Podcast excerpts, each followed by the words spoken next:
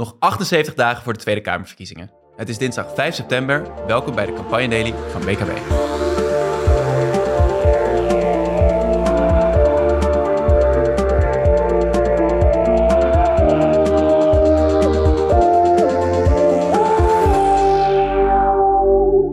Ja, welkom bij deze tweede aflevering uh, van deze nieuwe dagelijkse podcast, waarin wij, BKB, het campagnebureau, je in 20 minuutjes bijpraten over het belangrijkste campagnenieuws van de dag. Uh, we proberen een gesprek te voeren zoals we dat ook hier aan de lunchtafel, vol met politieke junkies, elke dag zouden voeren. dus verwacht veel duiding van campagnes en het nieuws aan de hand van verschillende hot takes. en die hot takes, die hoef ik gelukkig niet vandaag te verzorgen, maar mijn twee gasten van vandaag. Allereerst Alex Klusman, uh, oprichter en partner bij BKB. Goedemiddag. En ook wel PvdA-mastodont, hè? Of mag ik je zo niet noemen? Jij mag mij noemen zoals je me wil noemen. Gelukkig maar. Als je me wel benoemt dat ik ook nog de campagne van Michael van Praag voor het FIFA-presidentschap heb gedaan. Ja, nou, dat is weer een hele andere podcast. Maar je zit hier ook een beetje als onze PvdA-mastodont. 50 plus, boomer, wit, hebt een uh, column gehad in een landelijke krant. Bent op speaking terms met de partijen gebroken in 98. Dus uh, dan weten de luisteraars het ook. Wat bedoel je met dat laatste? Nou, ja, je bent zoals goed PvdA gebruikt wel met een beetje ruzie de deur uitgegaan, toch, destijds? Ja, heel lang geleden, in de vorige eeuw. In de vorige eeuw, oké. Nou, misschien... Maar dan uh... mag ik nog één ding over de, de dagelijks podcast zeggen. Ja, Vandaag al, de tweede aflevering, bewijst al waarom het zo belangrijk is dat we dit dagelijks doen. We nemen nu op om één uur. En over een uur zijn, wordt het eh, verkiezingsprogramma van Verenigd Links, PvdA GroenLinks, bekendgemaakt. Ga je nou alvast alle, al het gras wegmaaien voor de podcast van morgen? Nee, ik wil zeggen hoe belangrijk het is dat we dit dagelijks doen. Dat we morgen al meteen weer een bespiegeling hebben op de, het verkiezingsprogramma van vanmiddag. Jullie horen het, we zitten er kort op. Uh, daarover morgen meer. Uh, we zitten hier niet alleen, Alex en ik, maar ook met Marjolein Kamscheur. Marjolein, welkom. Hallo. Uh, jij bent uh, eigenaar van campagnebureau Meuten uh, en hebt in 2018, 2019 was je campagneleider bij D66. dus die pet zet je misschien ook nog wel stiekem even op hier. Heel blij dat je er bent. En misschien allereerst voor jou, Marjolein. Het is 4 september, of 5 september, nog 78 dagen voor de Tweede Kamerverkiezingen. Is die campagne eigenlijk al een beetje begonnen? Ja, jeetje. ik weet niet hoe het met jullie zit, maar ik houd soms gewoon niet bij met de hoeveelheid nieuws die er op een dag voorbij komt. Ehm, het is volgens mij ook gewoon uh, ja, totaal andere campagne daarmee uh, dan uh, campagnes hiervoor die we kenden onder Rutte. Hoezo dan? Waarom is deze zo anders? Nou, kijk, onder Rutte had je altijd een soort van vast patroon. Hè? Dus die, je kon er gewoon de klok op gelijk zetten. Die, die besloot gewoon wanneer de campagne begon. Mm -hmm. Eigenlijk altijd gewoon een heel duidelijk moment, namelijk het uh, Telegraaf-interview. Ja. En dan wist je ook gewoon, um, ja, je kon je ook niet zo heel veel aan doen als andere partijen. Je moest gewoon iedere keer weer daarop gaan zitten reageren. Dan zei hij dan gewoon vrolijk uitgebreid sorry. En dan uh, lanceerde hij even een puntje. En een, uh, nou, daar waren we dan weken weer over aan het debatteren. Vervolgens een paar weken campagne en een, een, aantal grote debatten. En dan, en dan, dan eindigde het eigenlijk met het traditionele Rutte-Wilders debat. Op een vandaag vaak. Ja, nou, en dan uh, mocht hij weer zeggen dat, dat Wilders was weggelopen. Nou, dat. En dan heb je dan vervolgens in het laatste weekend nog een soort van extern event, vaak op veiligheid. Dus kon hij nog even lekker zijn premiersbonus bijpakken. Meepakken. Nou, dat is, uh, ja, nu, uh, dat is waar allemaal. Dat is waar even... Ja, ja, en het rare is natuurlijk dat je denkt bij een val van een kabinet dat het een korte campagne wordt. Maar het lijkt nu gewoon een hele lange campagne te worden, waar je in andere normale campagnes uh, de, de soort van stille weken hebt dat de campagne onder de radar wordt gevoerd wordt hij nu gewoon open en bloot al vanaf, nou hoeveel, 80 dagen voor de verkiezingen vol uitgevoerd. -hmm. Ja, nou daarom zitten we hier natuurlijk ook om wat te bespreken. En, en laten we dan gelijk maar even die campagne induiken. Uh, gisteren uh, presenteerde het CDA uh, haar verkiezingsprogramma. Um, dat deden ze onder de titel Recht doen, een hoopvolle agenda voor heel Nederland. Um, en nou, dat was natuurlijk ook, dat is nieuws hè, als het CDA iets doet. Dat was in het NOS-journaal van gisteravond om 8 uur. Heb ik zitten kijken als een van de weinigen onder de 30 die dat nog kijkt. Uh, maar wel het zesde item of Het zesde item, ja, ja precies. Dus, dat uh, hadden we misschien tien jaar geleden niet verwacht, hè? Als het CDA iets aan zou kondigen dat het het nee. zesde item was. Nee, en het was een heel superkort item. Super het was echt item. van het moeten omdat het CDA is, maar we weten eigenlijk niet waarom we het, waarom we het doen. Ja, laten we toch even luisteren naar wat uh, Henry Bontebal, lijsttrekker van het CDA, over dat nieuwe programma te zeggen had. Ik denk dat je ziet dat wij eigenlijk een aantal thema's die we misschien wat verwaarloosd hebben de afgelopen jaren echt weer op de kaart hebben gezet. Dus het pleidooi voor debatten ook weer over waarden en normen, de nadruk op gemeenschapszin, het belang van fatsoen, van omzien naar elkaar. Ik denk dat dit programma daar helemaal van doordrenkt is. Ja, een verhaal dat doordrenkt is door uh, normen en waarden. Marjolein, dat klinkt wel een beetje als uh, vintage CDA, of niet? Ja, hij gaat, uh, gaat weer echt weer terug naar nou ja, de- eigenlijk de, de oude veren zou je, zou je het noemen als je het over de PvdA zou hebben. Nee, het is, eh, ehm, het is een heel, volgens mij, herkenbaar verhaal voor, voor veel oude CDA'ers en ook heel eh, aantrekkelijk. Mhm. Waar het niet dat, ehm, ja, hij volgens mij eh, ehm, ja, daar veel te laat mee start nu. En dat is gewoon een hele lastige uitgangspositie. Het is een beetje Henry wie? Henry wie? Ja. Hey, en het mooie van Henry Wie is dat hij, dan, dan ga je het hebben over de normen en waarden, terugkeer naar de vergeten waarden. ja. En waar ga je staan? Heel slim, CDA-logo op de achtergrond. Maar wie hangt er ter rechterzijde van Henry Bontebal aan de muur? Zou je denken, Ja. eh, Jan-Peter Balkenende. Maar dat is hem niet. Hij staat naast Sibram Buursma. Haarsma Buma. Goed zo, zo ik zelfs die naam ben ik kwijt. Nou, precies. Nee, maar in plaats van dat hij dan bij Balkenende gaat staan, Ja. die, die toch de, het soort van symbool van een normen en waarden is geweest, die daar eh, premier mee is geworden in een hele moeilijke tijd waarin niemand had gedacht dat, dat Balkenende premier zou worden, ga je naast Buma staan, die juist in 2017 in de Hendrik Schoollezing een soort van ruk, ruk naar rechts heeft genomen met CDA. Ja. Dus, Dus een totaal bizarre beeldregie die daar, die daar plaatsvindt. Ja, een hele interessante Ja. keuze. Of Ja. een hele domme keuze, zou ik zeggen. Zeker, maar en de, de inhoudelijke keuze dan, wel eh, voor die terugkeer. Kunnen jullie dat in het huidige politieke landschap, ja, snappen jullie dat, dat Henry nee, daarvoor snap kiest? ik heel goed. Maar, maar Henry Bontebal is wel een beetje aan de late kant. Hij komt nu in het, in het partijprogramma met termen als naboorschap eh, uit, uit de Achterhoek of uit Twente. Meanskip, het Friese woord voor, voor gemeenschapszin. Maar hij leest de programma's van Omtzigt, die zelf uit die streek komt. En, het, en ook het verhaal van, eh, van Caroline van der Plas gisteren bij de, bij, de, bij de schoollezing. Gaat ook over meanskip, letterlijk. Gaat ook over nabuurschap, ook letterlijk. Dus hij, hij is wel een beetje late to the party. Late to the party. Maar hij heeft het ook wel lastig, hè Marlijn? Want eh, het is ook wel moeilijk. De, de het CDA zit in de hoek waar de electorale klappen vallen. In de laatste INO-peiling bleef er nog maar drie zetels over. Van ooit een grote christelijke volkspartij. Ehm, en gisteren hadden we eh, het in de podcast eh, met Leon Boelens, oud-voorlichter van GroenLinks, erover. Dat het lekker mee kan zitten als lijsttrekker. Dat alles goed kan vallen. Dat iedereen je leuk vindt en aardig vindt. En dat alles door de media super slim wordt gedaan. Ook al is het niet helemaal de bedoeling. Eh Bontebal zit eigenlijk in de tegenovergestelde positie, waarin het echt tegen de stroom inzwemmen is. Eh, hoe maak je daar nog iets van als lijsttrekker? Als, als, als alle zijn eigenlijk op rood staat, maar jij wil, jij wil zo graag dat ze op groen gaan. Ja, kijk, je moet, je moet wat. Dus ik snap op zich wel erg dat ze, dat ze daarom ook gewoon een, een, een draai maken nu op, op inhoud. En, Mhm. en om daar maar ook maar hun verhaal omheen te, te bouwen. Ehm, het is super lastig, want het wordt eigenlijk gewoon voor je bepaald. Gewoon die tijdlijn die ik net schetste, die, is, ehm, ja, die wordt gewoon bepaald door de grote, door de grote vissen in de vijver. Ja. En, En ehm, Henry is geen grote vis en Henry moment. is geen grote vis. Nee. En eh, ja, je kunt hopen op een event of op iets wat jouw kant op valt. En je kunt dat ook gewoon slim oppakken. Ik weet nog wel, in onze, in onze campagne eh, kwam er op een gegeven moment een... Welk jaar hebben we het dan over? 2019, de PS-campagne, kwam er op een gegeven moment Provinciale een... Statencampagne van 2019. Ja, kwam er een eh, interview met de Dijkhoff in de Telegraaf. En eh, nou ja, die, eh, die noemde eh Rob Jetten daar een klimaatdrammer. Ja, als campagneteam sta je dan gewoon juichend op de banken. En, en denk ja, daar gaan we gewoon iets mee doen. Want dat is ongeveer, dat moeten we gewoon vast gaan pakken en om gaan draaien. En dat gaan we gewoon als geuzenterm gebruiken. Dus we hebben toen echt met elkaar gedacht van hoe kunnen we dit gebruiken? Hoe kunnen we dit in ons voordeel draaien? Want dit is het event dat we nu even zoeken om een klein eh, plusje in de peilingen te krijgen. Of Ja. ja. ja, gewoon weer even aandacht te krijgen. Dus je bent echt op zoek naar dat haakje dan, of, of dat moment dat je toch, toch dat narratief om kan draaien, of dat Ja. je toch met een kwinkslag er iets van kan maken. Ja, en ik dacht, laten we Henry Bontebal een eh, boekentip meegeven. Ja? Ben ik het heel boek benieuwd. van eh, Dirk Stokmans, eh, NRC-journalist, 2013. Het boek heet eh, Straatcoach en Stratege over de opkomst van Diederik Samson. Die twee weken voor de verkiezingen van 2012 zijn hele strategie overboord gooide. Een wandeling door het bos ging maken vlak voor hij eh, zijn laatste verkiezingsdebat ging oefenen. En toen op zijn boswandeling in zijn eentje besloten heeft dat hij een heel ander verhaal ging vertellen. Namelijk niet een aanval op het eh, kabinet. Geen negatieve campagne, maar het eerlijke verhaal. Ja. En vervolgens weten we hoe dat geëindigd is. Ja, hoe Samson eindigt op, het een, dan? op een haar na de grootste van Nederland, op een haar na premier geworden. Vervolgens eh, gaat het verhaal nog wel verder, want het ging samen met eh, Rutte een kabinet vormen. Dat, eh, precies. Nou ja, fijn dat je hem daar even afkapt. Ehm, maar ehm, de hoop voor Bontebal zit in, het kan dus wel nog. Het kan wel. Je kan het omdraaien. Kijk, de, de ene kant van het verhaal is, het kan ineens omdraaien door een debat. Ook de verkeerde kant op. Zie Mm. Emiel Roemer, die eh, dacht een tweestrijd met Rutte te voeren. En vervolgens helemaal afging en eh, via, de, af- via de zijlijn verdween. Maar het kan ook Wim Kok, waar ik ooit voor heb gewerkt in campagnes. Die zei altijd, succes komt te voet en gaat te paard. Dus Henry Bontebal moet ook geduld hebben, zijn verhaal goed hebben. eh, eh, geduld en vasthoudend blijven. Nou kijk, heb je en wat oude PvdA'ers kunnen pluggen en nog wat goed advies aan Henry kunnen geven.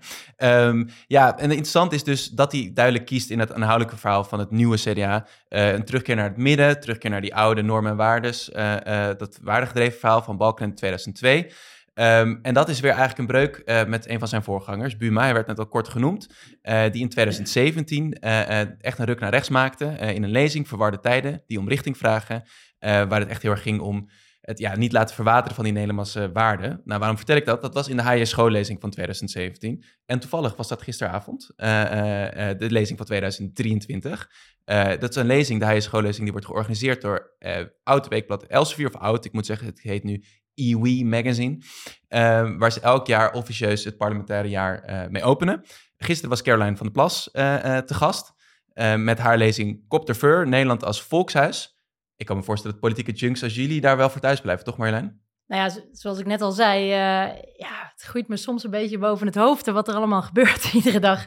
Um, ik heb zeker allemaal fragmentjes terug zitten kijken, maar ik hou het gewoon soms ook even niet meer bij. Het, nee. het lijkt soms wel een beetje op een soort van... Um, wielerpeloton dat zich opmaakt voor een grote, voor een grote massasprint. En dan zie je dat ze 100, 100 kilometer voor die aankomst eigenlijk al met de ellebogen aan het werken zijn om voor in het peloton te zitten. Om, uh, om een goede uitgangspositie te hebben. En uh, ja, ik heb een beetje het gevoel dat we nu uh, weken, maanden voordat de kiezers überhaupt geïnteresseerd zijn, eigenlijk al een soort van overspoeld worden door door dit soort uh, events. Ja. Um, ik heb het even niet, uh, niet in zijn geheel nee, zitten ik kijken. Denk, ik denk dat je niet de enige bent die dit niet integraal heeft zitten kijken op uh, Politiek 24. Maar toch hebben we het er vandaag over. Waarom, Alex, kan je misschien even duiden wat het belang toch van zo'n zo'n lezing, zo'n moment is in zo'n campagne? Uh, ja, dat is heel groot. Weet je, het, het uh, positioneert iemand. Je hoeft het niet helemaal te kijken. Ik heb het ook niet gekeken. Ik stond uh, het verenigingsleven namens Henry Bontebal. We zijn al het, item over het CDA ah, okay, gehad. nog niet meer over verenigingsleven, nee. jammer. Nee, het duidt iemand. Je hoeft het niet helemaal te kijken, want het wordt voor je gekeken. Het wordt mm. voor je geduid bij het oog op morgen in alle kranten vanochtend. En het zet je neer wie je bent, wat je wil bereiken. Dus het is, het is een, een heel mooi geschenk geweest voor, uh, voor, voor Caroline van der Plas. Ja. Ze kon zich nog eens keer positioneren tegen de witte broodspolitici. Politici. Ze kon haar verhalen over uh, dat de mensen op het platteland ertoe doen, in kleine dorpen. Dat je als witte broodpoliticus uh, wel je weg weet in Amsterdam, in New York, in Brussel. Maar dat je dat als je gewoon normaal op het platteland woont, dat je dat niet kan. Nee, ja, en een geschenk zeg je. Uh, de hoofdredacteur Joustra van uh, EW Magazine. EW. EW Magazine, nu zeg je het goed. Uh, die begon aan de begon de lezing door te zeggen van... hé, hey, ik wil wel even duidelijk maken dat de uitnodiging voor Caroline al maanden uh, geleden de deur uit was. Daarom noem ik het een geschenk. En daarom noem ik het een geschenk, ja. Uh, maar nu is het opeens campagnetijd, dus dan krijgt zo'n lezing toch ook wel wat andere lading, toch Marlijn? Gaan we ze dadelijk ook gewoon zien bij uh, College Tour, want ja. Dylan Jesselgus staat er op de En Esther Ouwehand is ook Ja, gast. dus dat zijn interessante tijden om, om, om nou ja, gewoon zo'n diepgaand interview te krijgen... en je eigen verhaal eigenlijk neer te kunnen zetten. En zo'n cadeautje moet je dan natuurlijk wel gewoon Zeker. ook uitpakken. Ja, ja. maar zo'n cadeautje kan ook een kat in de zak zijn, hè? Als je heel ver teruggaat, nog een keer een PvdA-corrivee noemen, Wim Kok in 1995, de, ja. de Nuillezing. En ook een eigenlijk soort van tegenhanger van de Hendrik Jan Schoollezing, ook in de Rode Hoed in Amsterdam. Hield in 95 zijn beroemde uh, Den Uillezing, waar hij de ideologische veren van de PvdA afschudde. Mm was een jaar na de verkiezingen, hij was al premier. Maar dat heeft hem echt jarenlang achtervolgd. Terwijl hij dat volgens, wel de Partij van de Arbeid. Het achtervolgt de Partij van de Arbeid nog steeds, terwijl het volgens mij helemaal niet zo bedoeld was uit zijn context gerukt, op een andere manier geduid of gespind, zoals dat heet. En tot op de dag van vandaag, wat je zegt, achtervolgt het PvdA. Want waar staan ze nou eigenlijk voor? Wat zijn hun normen en waarden? Ja. Wat zijn hun uitgangspunten? Zeker, dus zo'n lezing kan je nog lang uh, uh, bijblijven. Laten we even luisteren misschien naar een stukje uh, van de lezing van Caroline van gisteren. En dan kan je ook zien dat ze dat cadeautje uit aan het pakken is en ook inhoudelijk haar campagne aftrapt. Om gemeenschap in Nederland te laten bloeien is ambitie op vier vlakken nodig. 1. Nederland geeft alle inwoners via goede bereikbaarheid voor iedereen toegang tot de essentiële voorzieningen. 2. We geven ruimte aan en koesteren onze maakindustrie, familiebedrijven en ondernemers. 3. We omarmen de strategische en maatschappelijke waarden van onze hoogwaardige, duurzame en betaalbare voedselproductie. 4. We zorgen voor verantwoordelijk, bescheiden, integer en empathisch leiderschap. En we snoeren dit niet dicht met wet en regelgeving, maar houden ruimte en lucht voor mensen en bedrijven om het goede te doen. Ja, dat verkiezingsprogramma van de BBB is nog niet bekend, maar ik kan me voorstellen dat dit misschien wel een voorzetje was, hè? Ja, het empathische leiderschap vind ik daar wel interessant in. Want nou ja, waar, waar het nieuws dus ook over ging, is niet alleen wat ze wel heeft gezegd, Mhm. maar het ging er ineens ook over wat ze er er op het laatste moment uit heeft eh, weggelaten. Ja, wat, neem ons mee dan. Wat, eh, wat is er nog uit die speech Nee, verdwenen ja, op het laatste er is moment? nog even een, eh, een sneer of een aanval naar, ehm, eh, naar Sanne Schimmelpenninck en naar Frans Timmermans uitgelaten. En ik vind dat echt best wel een interessante keuze. Volgens mij ehm, ehm, wil ze daarmee in ieder geval ook aantonen van ja, ik ben niet alleen maar aan het eh, eh, meedoen aan die oude politiek waarin we elkaar de hele tijd de maat nemen. Maar ik wil ook dat empathische leiderschap eh, uitstralen. En ehm, ja, het is wel gewoon een, een keuze om niet dat het nieuws te laten zijn, maar alsnog wordt dat Ja. dus wel... Ja, eh, en wat er Maar in dat is... nieuws. Ja, nieuws, en, ja. en wat even, natuurlijk- nog even voor de duidelijkheid. eh, in, de, in de boekjesversie die is uitgegeven van de speech, dus een tekst die veel eerder is opgestuurd, daar zie je deze persoonlijke aanvallen nog wel in terugkomen. Maar de speech die zich eens uitsprak, liet ze ze nadrukkelijk weg. Ja, dus ik geloof niet dat dat het nieuws is. Nee? Ik geloof niet Mm. dat die twee dingen die eruit zijn gehaald het nieuws is. En waarom niet Volgens dan? mij- Omdat dat vinden wij interessant dat daar een aanval in zit naar Schimmelpenninck en naar Timmermans. Maar het echte nieuws zit in haar verhaal, in, in haar gezang, eh, in haar zenuwen misschien. Die je in dit fragment heel goed hoort. Je hoort, je hoort de achter de adem aanpraten. Maar wat er wel in is gebleven, is haar oh, integer leiderschap noemt ze het. Maar Ja. haar aanval eh, op Timmermans dat het geen premiersrace is. Ja, niet alleen op Timmermans ze- overigens, maar ook niet op alleen, maar ze noemt, ze noemt Timmermans expliciet. Ik weet niet of ze Jezielgoes Ja, ook. expliciet noemt. Zegt, het is geen premiersrace, het is een race om een plek in de Tweede Kamer. Dat moet meneer Timmermans beseffen. En ondertussen, drie dagen daarvoor, op vrijdag, lanceert ze de eigen premierskandidaat. Sterker nog, ze lanceert zelfs een minister van Defensie, de, de drage militaire Willemsorde Gijs dat is een ding. Toch totaal Ja. absurd. Ze heeft een hele kabinet geformeerd al. Ja. En dan gaat ze drie dagen later in die lezing zeggen... nee, het is geen race om het premierschap. Het gaat om een zetel in de Tweede Kamer. Ja. ja, volgens mij zei ze achteraf dat, dat ze ook wel snapte dat daar enige tegenstrijdigheid in zit. Maar ik kan me voorstellen dat het wel onduidelijk voor de kiezer is.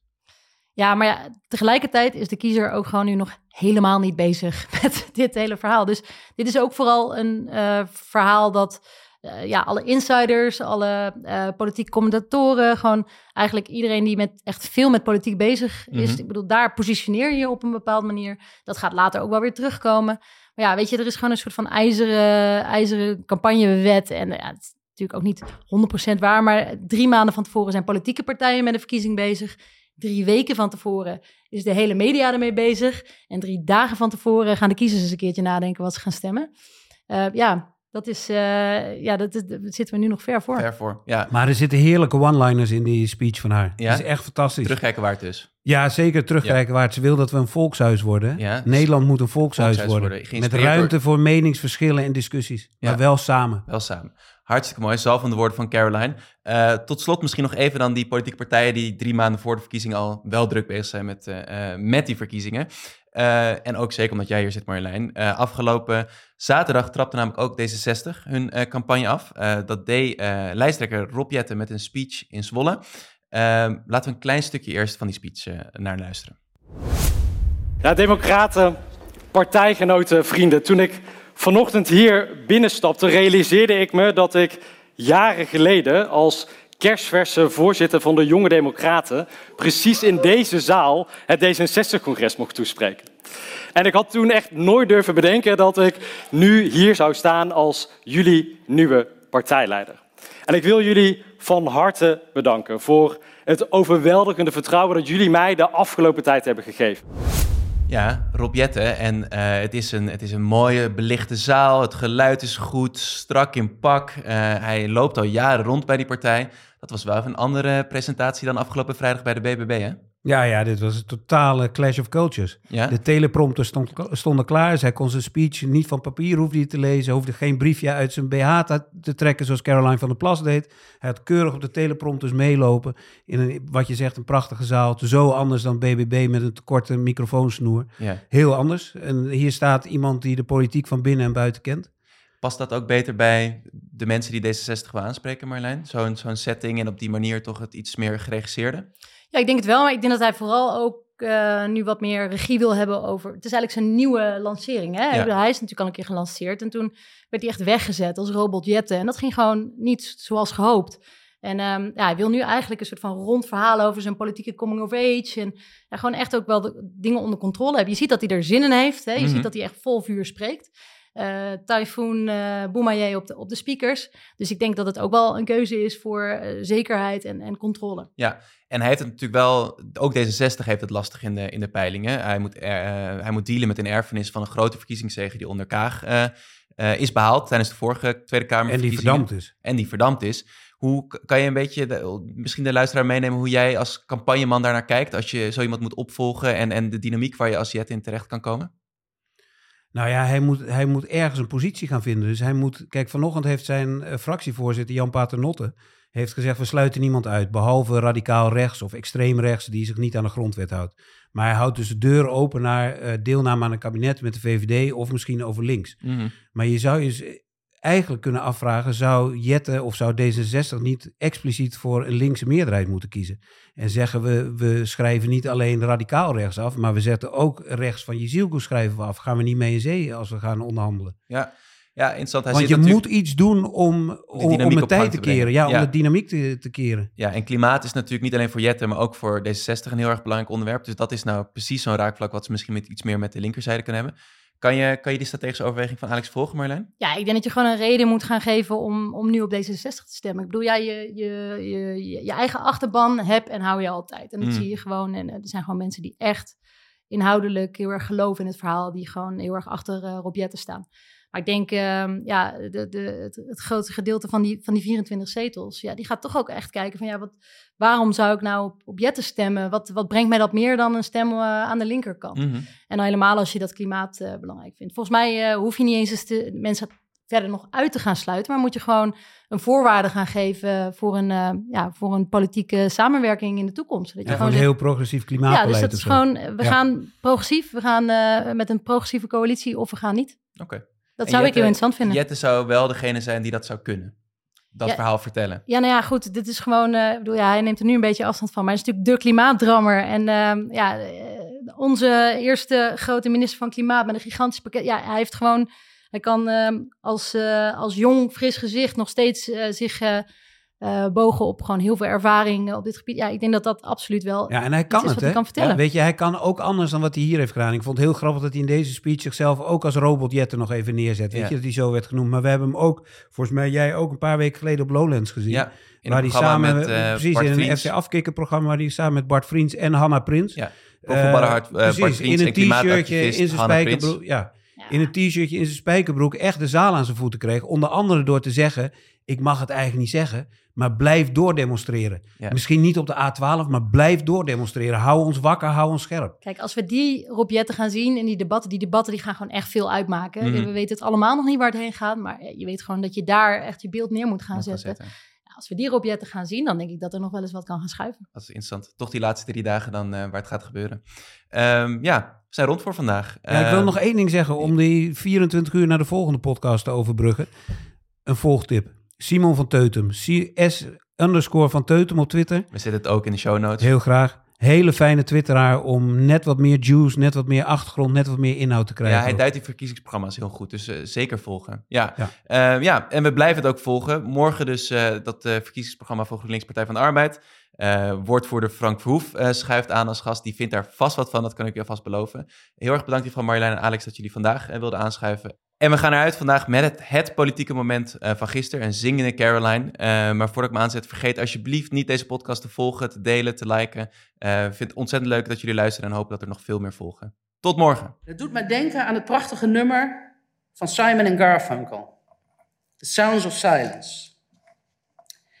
People talking without speaking. Kent het allemaal wel? People hearing without listening. People writing songs that voices never share. No one dare disturb the sounds of silence.